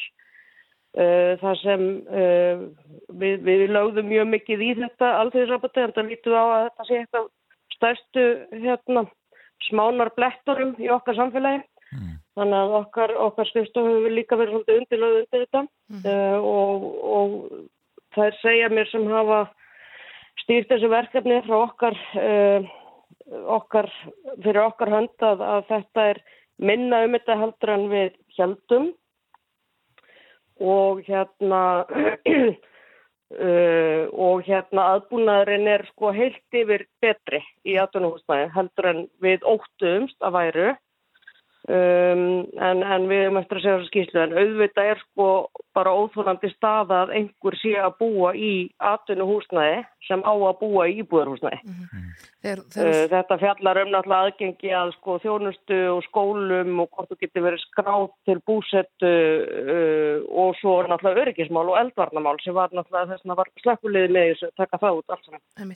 Þegar þú segir að þegar farið inn í hvert einasta atvinnu húsnæði, sko, erum við að tala um að bara atvinnu húsnæði sem að þið talið jafnvel nokkuð vista að þið viti hvað fer fram? Fóruðu bara inn í kaffús á lagaveginum og kringlun og smálun? Eða... Nei, nei, það var nú kannski ekki alveg þannig en atvinnu húsnæði þar sem er, hérna, þar sem er grunur um að það, að það búi ykkur. þetta var mjög dekkandi og, og nú eru við erum önnur sveitafélag að fara í, í slikti sama. En það vitum við að þetta er ekki bara einangra með höfuborgarsæðið. En hins vegar var sko lögð áherslu á að fara ekki með valdbóðinn, heldur fara til þess að ná trúnaði fólks, til þess að reyna að fá fram raunverulega stöðu, uh, meðal annars stöðu tengda vinnumarkaði. Uh, þannig að það var ekki farið inn sko og slökkvaliði var ekki að uh, fara inn og henda fólki út. Hins vegar geraðu sko hérna kröfu um úrbætur og svo framvegis af því að við veitum það að það er ekkit húsnæði, annað húsnæði til að dreifa til þess að setja fólk í. Þannig að þetta fólk sko sem er í, í erfiðri stöðu og býr í aftunum húsnæði að það getur ekkit farið í eitthvað annað húsnæði sem liggur á lausu. Nei. Uh, Þannig að við, við náttúrulega vildum ekki gera stöðu fólks verri uh, með því að, að, hérna, að, að beita valdbóði eða við svo sem höfum ekki það vald. Nei. Eins og, og Snærós nefndi hérna áðan þá er svona hefur ósamþygt íbúður húsnæði lengi loðað við einhver fyrirtæki sem hafa millugöngum komu Erlends verkafólks hinga til lands. Sko hver, hvernig eru aðstæður þessa fólks hér á landi núna? Uh, mjög misjafnar um, en við vitum það að það er einhver fjöldi fólks í algjörlega óviðunandi húsnæði, er á vegum aðtunreikardegabel, er að greiða hátt verð fyrir það húsnæði, uh, er bara svona háð aðtunreikanda um bara alla umgjörð, hvort sem það er sko húsnæði eða, eða matur eða hvað, samgöngur. Uh, og þess vegna er það einn af sko alvarlegum hlutum í átunhúsnaði, það er kannski úr alfara leik, það er ekki í samhengi við íbúðakjarnar, uh, þannig að fólk er jafnvel einangraðra heldur en ella. Og, og hvers vegna lefum við þessu að, að viðgangast í samfélaginu? Já, mér, mér er spurt, uh, við náttúrulega endum alltaf þar líka að það vantar húsnaði, við vitum það. Og nú erum við í þessu stöð að fara að taka á móti fjölda flóttafólks frá Úkrænu og það bráðvantar húsnæði fyrir það. Eh, Þannig að auðvitað, eh, auðvitað, þú veist, er ég bara byðla ég til allra sveitafélaga að, eh, að gera þessi brók og, og fara að skaffa hérna, fara að skaffa betra húsnæði, eh, meira húsnæði, eh, þannig að þessi vandi er ekkit að fara frá okkur Nei. og meðan það skortir svona tilfengilega húsnæði að þá erum við í þeirri stöðu að það er verið að taka aftunni húsnæði undir, undir. Einmitt. Það kemur hér fram forsu, á forsvíu fréttablasins að um 12.000 manns þurfa að flytja til Íslands á næstu fjórum árum samkvæmt rannsóks samtaka atvinnulífsins einfallega til þess að, já, það mun ekki hamla hagvexti, sko, hversu fá við erum hér að kemur að, að um, já, vinnumarkaðanum og, og þeim störfum sem þarf að inna af hendi við uppbyggingu og svo framvegis uh, sko, hvernig, hérna, hvernig eigum við að hýsa allt þetta fólk, 12.000 manns? Við þurfum að byggja meira húsnæði, uh, við þurfum að koma böndum á húsnæðismarkaðin þannig að hann sé ekki undirlegaður undir spákvöldmösku, heldur, heldur hérna húsnæðismarkaður sé fyrir fólk og að mæta þörfum þeirra. Uh, það hafa verið uppi hugmyndir alls konar um einhvers konar bráðabyrða húsnæði, uh, einingar húsnæði sem hægt er að koma til bráðabyrða. Við viljum fara mjög varlega í það að því tilnefingin er svo að bráðabæra húsnæði verði varalegt húsnæði. Einmitt. og þá erum við búin að lækka bara standardin á húsnæði á Íslandi. Uh, Verkalsefingin er alltaf lagt áherslu á það að þetta verði gott húsnæði, þetta er bygg- byggt gott vandað húsnæði undir vinnandi fólk. Uh, og, og það er náttúrulega stærsta, stærsta áskorurinn núna. Og nú standa nú sveitastjórnarkostninga fyrir dyrum. Uh, og, og ég hérna, fer fram á það að húsnæðismál síðu stærsta kostningamál fyrir sveitastjórnarkostningar og, og stjórnmálafólk bjóðu upp á raunverulegar lausnir þar. Sko, ertu bjart sinnum að þið náðu þeim kröfum fram að ganga og til dæmis, já, vendalega komandi kjaraviðraðum, þá geti húsnæðismálun orðið eitthvað sem að, að raun- raunverulega skiptir máli? Uh, já, við erum nú búin að hérna, búa okkur undir upptæktina því. Uh, núna er endar í gangi vinna á vegum stjórnvalda með aðeins okkar og fleiri uh, um húsnæðismálinn. Uh, en auðvitað verður, er þetta eitt stærsta kjaramáli. Það hefur alltaf verið það og verður það áfram. Uh, en við erum að standa fram með fyrir afskaplega alvarlega stöð og ef við tökum ekki fasta málum og gerum byggjum á því sem hefur virkað, þar segja ekki byggja luxusýbúður, heldur byggja íbúður fyrir öfverðið fólk í gegnum óhagnadrifin félög til þess að spenna ekki verðið eða leiguna, að þá hérna ef við förum með þennan þangagang inn og þá stefnu að enginn greiði meir en 25% af tekjum sínum í húsnæðiskostnað. Uh, ef við getum sannmælst um þessa stefnu uh, að þá, þá hérna getum við fara að vinna eftir henni. Já, já.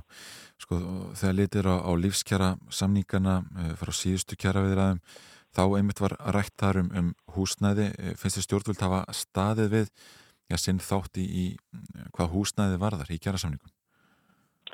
Uh, bæði og það hafa verið gerðar nokkrar, hérna, nokkrar bætur á. Það er búið að leggja meira fyrir stoppframlög fyrir svona óhagnaði drifin félög eins og Bjarg. Bjarg er að byggja og byggja og, og hérna út um all land. það hefur eins og það verið þannig stundum að, að hérna, það hefur ekki, það hefur ekki einu svona nýst öll stoppframlög sem ríkið hefur lagt inn að því að vanta lóðir til að byggja.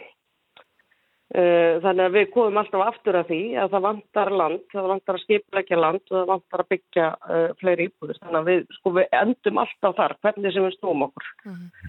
Og á meðan við, við erum ekki að, að hérna, koma fleiri lóðir og, og fara í stórtakari uppbyggingu, að þá erum við að horfa líka upp að það að fólk býr í atvinnuhúsnæði, jafnvel hættulegu atvinnuhúsnæði. Takk fyrir að vera á línunni Drífa Snædal, fórseti ASI. Takk. Ætlum að spjalla eins um, um leikhúsi hér til skamma stund. Við höfum verið að, að sinna leikhúsinu svolítið vel undarfarið hér í morgunundarpinu. Já, já, og reynum að vera svona á léttari nótum í loka viðtali á fyrstudegi. Já, það er nú lágmark að það sé verið gaman um helgina. Uh, og að því tilinu ætla ég að spila lag sem að heitir Eleanor og er með hljómsið sem heitir The Turtles og þetta lag heyrði ég fyrst í bíómynd sem að heitir The Boat at Rocked og fjallar um svona sjóræningja útarstöðvar í uh, Breitlandi sem að voru sagt þegar BBC var með einokun á markanum þá voru sjóræningja útarstöðvar virkilega skemmtilega bíómynd sem að já, ég mæli með að fólk kíkja á um helgina.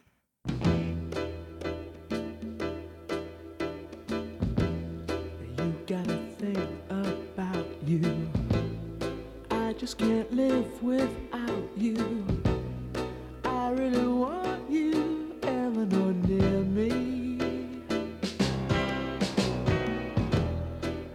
Looks intoxicate me. Even though your folks hate me, there's no one like you, Eleanor,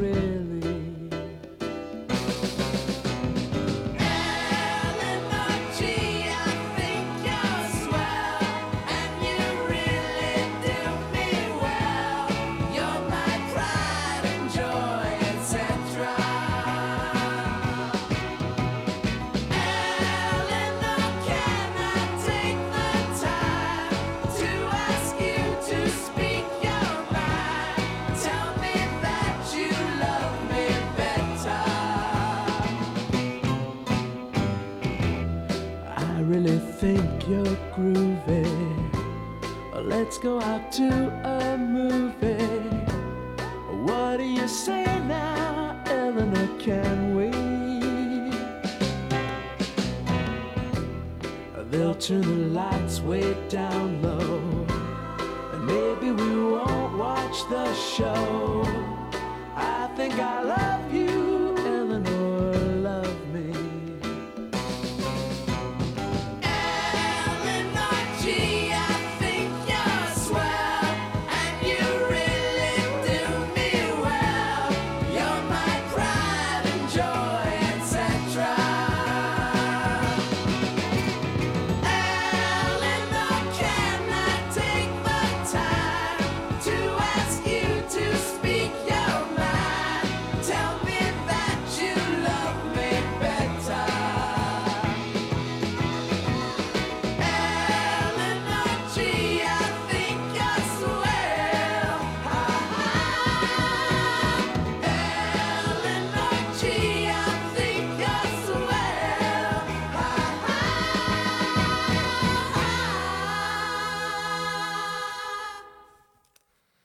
Morgunóttarpið heldur hér áfram og það verður mikið um dýrðir í þjóðleikhúsinu um helgina.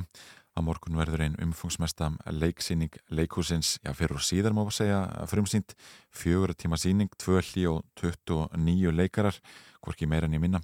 Og Magnús Geir Þórðarsson, þjóðleikhússtjóri og Hrafnildur Hagalín, dramatúrk, eru komininga til okkar, góðan daginn. Góðan daginn. Þið eru að frumsýna sínuguna framúrskanandi vinkuna sem sagt, hvað getið þið sagt okkur um hana? Já, það er nú hægt að segja eitt og annað um, um þessa síningu. Þetta byggir á geysi vinsælu bókum Elenu Ferrante eh, sem að margir Íslendikar hafa lesið eins og, eins og restin af heimsbyðinni og þetta er síning sem hefur seg, eh, byggir á þessum bókum og, og eh, við fengum til liðs við okkur eh, algjörlega frábæra leikstjóra, Jael Farber sem hefur stýrt þessu stóra skipi og þannig er á ferð mikil átakasaga. Og Rafnildur getur nú kannski eh, sagt okkur meira, meira af, af því. Hún, hún er búin að vera í þessari vinnu með enni Jael sem dramatúrk frá upphafi og Já, þetta er sem sagt hérna, leikgerð upp úr þessum bókum eftir brestleikskáld sem heitir April de Angelis. Og upphæflega var þetta leikgerð sem var sett upp í litlu leikhús í London árið 2016 og færiðist síðan yfir í, í þjólikúsið í London. Þetta var upphæflega tvær síningar og sínd á, síndar á tveimu kvöldum eða, eða í einni beiti yfir, yfir nánast heilan dag. En svo voru önnur leikhús í Skandinavíu og víða sem að e, tóku þessar leikgerðu upp og, og, og síndan á einu kvöldi og það ákvaðum við að gera. Þannig að þetta er löng síning með tveimur hljum, uh, mikil átakasaga eins og Magnús Geir segir um, um vináttu tvekja kvenna uh, sem spannar í rauninni já, 60 ár úr æfi þeirra og uh, þetta er eftirstrís ára saga, uh, byrjar hefst í rauninni árið 1950 og nær allt til ásins 2011 Já. og þá koma, koma sem sagt bækunar út á, á þessum tíðanbölu frá 2011 til 2014 já, já. þannig að, að hérna mm, já og, og í rauninni má segja að þessar tvær vinkonur eru náttúrulega magnaðir karakterar báða tvær, þetta eru frábær hlutverk sem að þær unnur ösp og vítisrefna Pálstóttir leika. Og um, yfir sem sagt já, uh, þetta er einlega uh, fjölmarkir karakterar og, og yfir 30 leikara þannig að þetta er sannkvöldu stór síning má segja. Og eldast þær þá með verkinu, sko byrja ungar og, og enda gamlar eða hvað? Já og allir í rauninni megin uh, karakterarnir Já. uh, sem sagt uh, leika, leika sig unga og, og eldast síðan með verkinu. Það eru reyndar fjóra litla stelpur sem leika líka þær, þær ungar Já. að, aðalpersonunar. og, og svo, svo er hún Guðrún Gísladóttir sem leikur Elenu eh, eldri þannig Mhm. að það eru, það, það, það eru þrjár leikonir runni í hlutverki eh, Elenu. Þetta lítur að vera áskorun fyrir gerfadeldin ykkar, eða hvað? Já, heldur betur og, og, og hérna mikil og hröð og, og áköf búningaskipti út alla síninguna. Já, í rauninni bara mikið átak fyrir alla þetta er, þetta er uh, svo stór saga viðamikil saga, margir para, uh, karakterar, svona mikið personugalleri ótrúlega litrikt og, og skemmtilegt og við erum að fylgjast með þessu fólki í gegnum þessa áratugi og, og, og uh, sagan er hröð og, og spannar vitt svið þannig að, að, að og, og þetta er mikið sjónarspil og, og sterkar myndir og, og mikið, mikið fyrir augað og mikið fyrir hjartað, myndi ég Mhm. segja. Þannig að, að, þetta, þetta hefur reynd á að vera ótrúlega skemmtilegt og langt ferðalag. Já, Já, já, hv- hvenær byrjuðu eh, þið sem sagt að, að æfa og, og skipulegja þessa síningu sér? Já, þetta er síning sem að, að átt að fara upp haustið 2020 fyrir já, einu og hálf ári síðan Já. og við byrjuðum að æfi ágúst 2020 og, og æfðum þar inn í haustið þá skall á ný bylgja, ný COVID-bylgja sem neitt okkur til að stoppa þá og uh, þó við værum komin ansið langt á þeim tíma og uh, síðan ákvaðu að finna þessu stað þar sem við værum alveg örugum að COVID væri hægt að hrella okkur Mhm. og ákvaðum þess að þetta er fyrir umsýndu jólin 2021 og hófum mæmingar í november en uh, þá kom ný bylgja þannig að það er búið að vera, er búið að vera smá svona hindruna hlaup, hlaup. við höfum verið að fara í gang og, og, og höfum þurft að stoppa og fara að staða aftur en sem betur fyrir þeim langþráða áfanga nú að verða náða að við náum að, að sigla þessari stórsýningu í höfn með stæl. Einmitt. En þú ert nú ekki ókunnur svona stórum sýningu með tveimur hljegum, Magnús. Þú varst, uh, já, mér skallast ekki uh, leikustjóri í, í hérna hjá leikvila Reykjavíkur þegar að fjölskyldan var sett upp. Það voru tvö hljeg og, og heljarinnar program. Hár rétt. Þa, það var uh, sama sagan þar sko að, að, að þar vorum við með eh, svakalega flott, flott verk sem okkur langaði að setja upp og, og auðvitað voru sumi sem að voru að tvístiga svona í, í, í aðdraðandunum hvort þetta væri úr lánt og hvort þetta færi áhörðu frá en, en það var sannlega ekki raunin þá Nei. og, og uh, sýningin reyf leikúsgesti og fólk flyktist í leikúsið og hún enda á að vera sínd í tvö leikár og fyrir 20.000 gesta.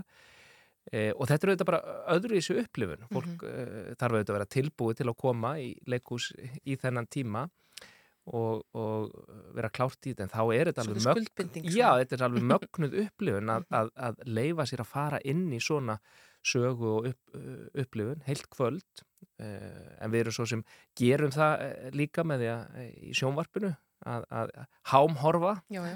þetta, er, þetta er svolítið eins og það og, og, og svo reyndar höfum við bættum betur í, í þjóðleikusinu og erum núna farin að selja veitingar í tengslu við síningar og við finnum fyrir miklum áhuga á því hjá leikúsgestur sem eru búin að kaupa með á síninguna að, að taka svona ítalska leikúsveislu með Já, og þá fáðu mat fyrir síningu og mat sem býður í báðum hlíunum og svona þannig að þetta er rosa sjarmerandi og heillandi kvöld sem þetta er að gera í kringum þessa mögnuð upplifun á, á síningunni. Er þetta að fara bara í forrétt, aðalétt og eftirrétt á, á milli hliða? Akkurat. Ummitt. Og, og, og gengur það upp? Hefur fólk tíma til þess að, að hérna, sólgrísi einum aðalétt á- í fyrsta hliði og eftirrétt í setna eitthvað? Já, það er búið að, að raða þessu öllu saman þannig að, að þeir sem fara í svona, svona veistlu, þeir koma fyrr, koma Já. fyrir síningu og, byrja að borða þá og, og svo býður þetta bara tilbúið á, á borðum þegar fólk kemur út í, í hlið sko. Já. Fyrra hlið er hálftími þannig að það á að vera alveg nóg tími. Já, Já, já, nægur tími til að klára aðréttin. Já, og, og búið að huga þessu, það er, það er tónlistu þetta í, í hlíunum og svona, Já, þetta, þetta, þetta límist allt saman svona í eina sterka heild. Já, já. Þannig að máli segja að það sé heilmikið líf aftur komið í, í húsnaði leikhúsuna. Já, það er óhætt að segja það og, og, og við höfum reyndar allan þennan faraldur höfum við kappkostað að hafa opið og, og vera með fulla starfsemi þegar við höfum mátt og uh, getað. Og það er raun alveg ótrúlega hvað uh, okkur hefur tekist að frumsýna af uh, sýningum og, og mörgu hverjum, afskaplega vöndum og, og fallegum sýningum og, og leikúsgestir hafa alltaf flikst í leikúsi þegar að, uh, þeir hafa mátt koma til okkar og, og, og, og það samir upp á teininginu núna þegar við máttum opna aftur núna í februar að þá fóru þessar sýningar sem voru í gangi fyrir lokun Vertu Úlfur, Ásta, Kardumombærin og fleiri fóru í gang og, og, og við erum að sína, sína þær fyrir fullu húsi núna, floksis, engi sætt á milli og enga grímur. Einmitt, taland um það, sko það hlýtur að vera, hljóða að vera gríðarlega viðbriði fyrir leikara að horfa fram í salin og, og það er já, grímurust fólk að hlæja og gráta með, er það ekki? Jú, það lítur að vera það. Þetta er, þetta er náttúrulega búið að vera mikil áskorun fyrir, fyrir leikarann að takast á við þetta. Já. Eh, en við höfum öll lært mjög mikið af þessu og, og það var alls konar nýja hluti komið, komið til okkar í gegnum þetta tímabil. Þannig að þetta verður magnað tímabil að minnast síðar meir. Einmitt. Já, og, það, og við erum bara þakklátt og glöð að, að vera að koma út úr þessu. Það er alveg engi veit hvað áttöfu fyrir mist hefur, segir einhver staðar og, og, og það á ágætlega við í þessu tilviki. Það er bara ótrúlega gaman að fá að mæta áhörundum grímulöst. Einmitt. Ég held að þetta sé góð loka orð Magnús Geir Þórðarsson, þjóðleikustjóri og Hrafnildur Hagalín, dramatúrg þakka ykkur fyrir að koma í morgunúttarpi hér á Rás 1 og Rás 2 komast ekki lengra að þessu sinni morgun vaktina Rás 1 verður á sínum stað hér eftir helgi og uh, við Yngvar Þór Björnsson og Snæra Sundardóttir að sjálfsögðu á okkar stað á Rás 2. Góða helgi, kæru lusnundur. Já, takk fyrir samfélgina.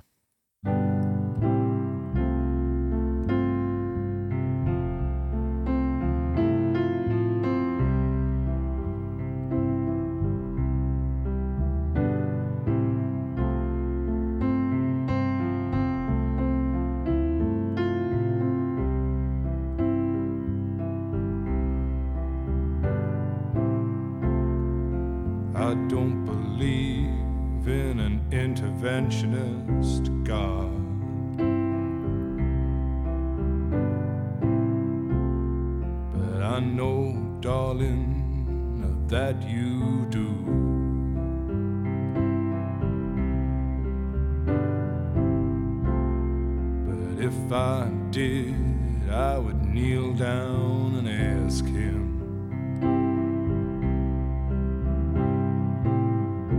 not to intervene when it came to you. Well, not to touch a hair in your head, leave you as you are. If he felt he had to direct you, then direct you into my arms. to.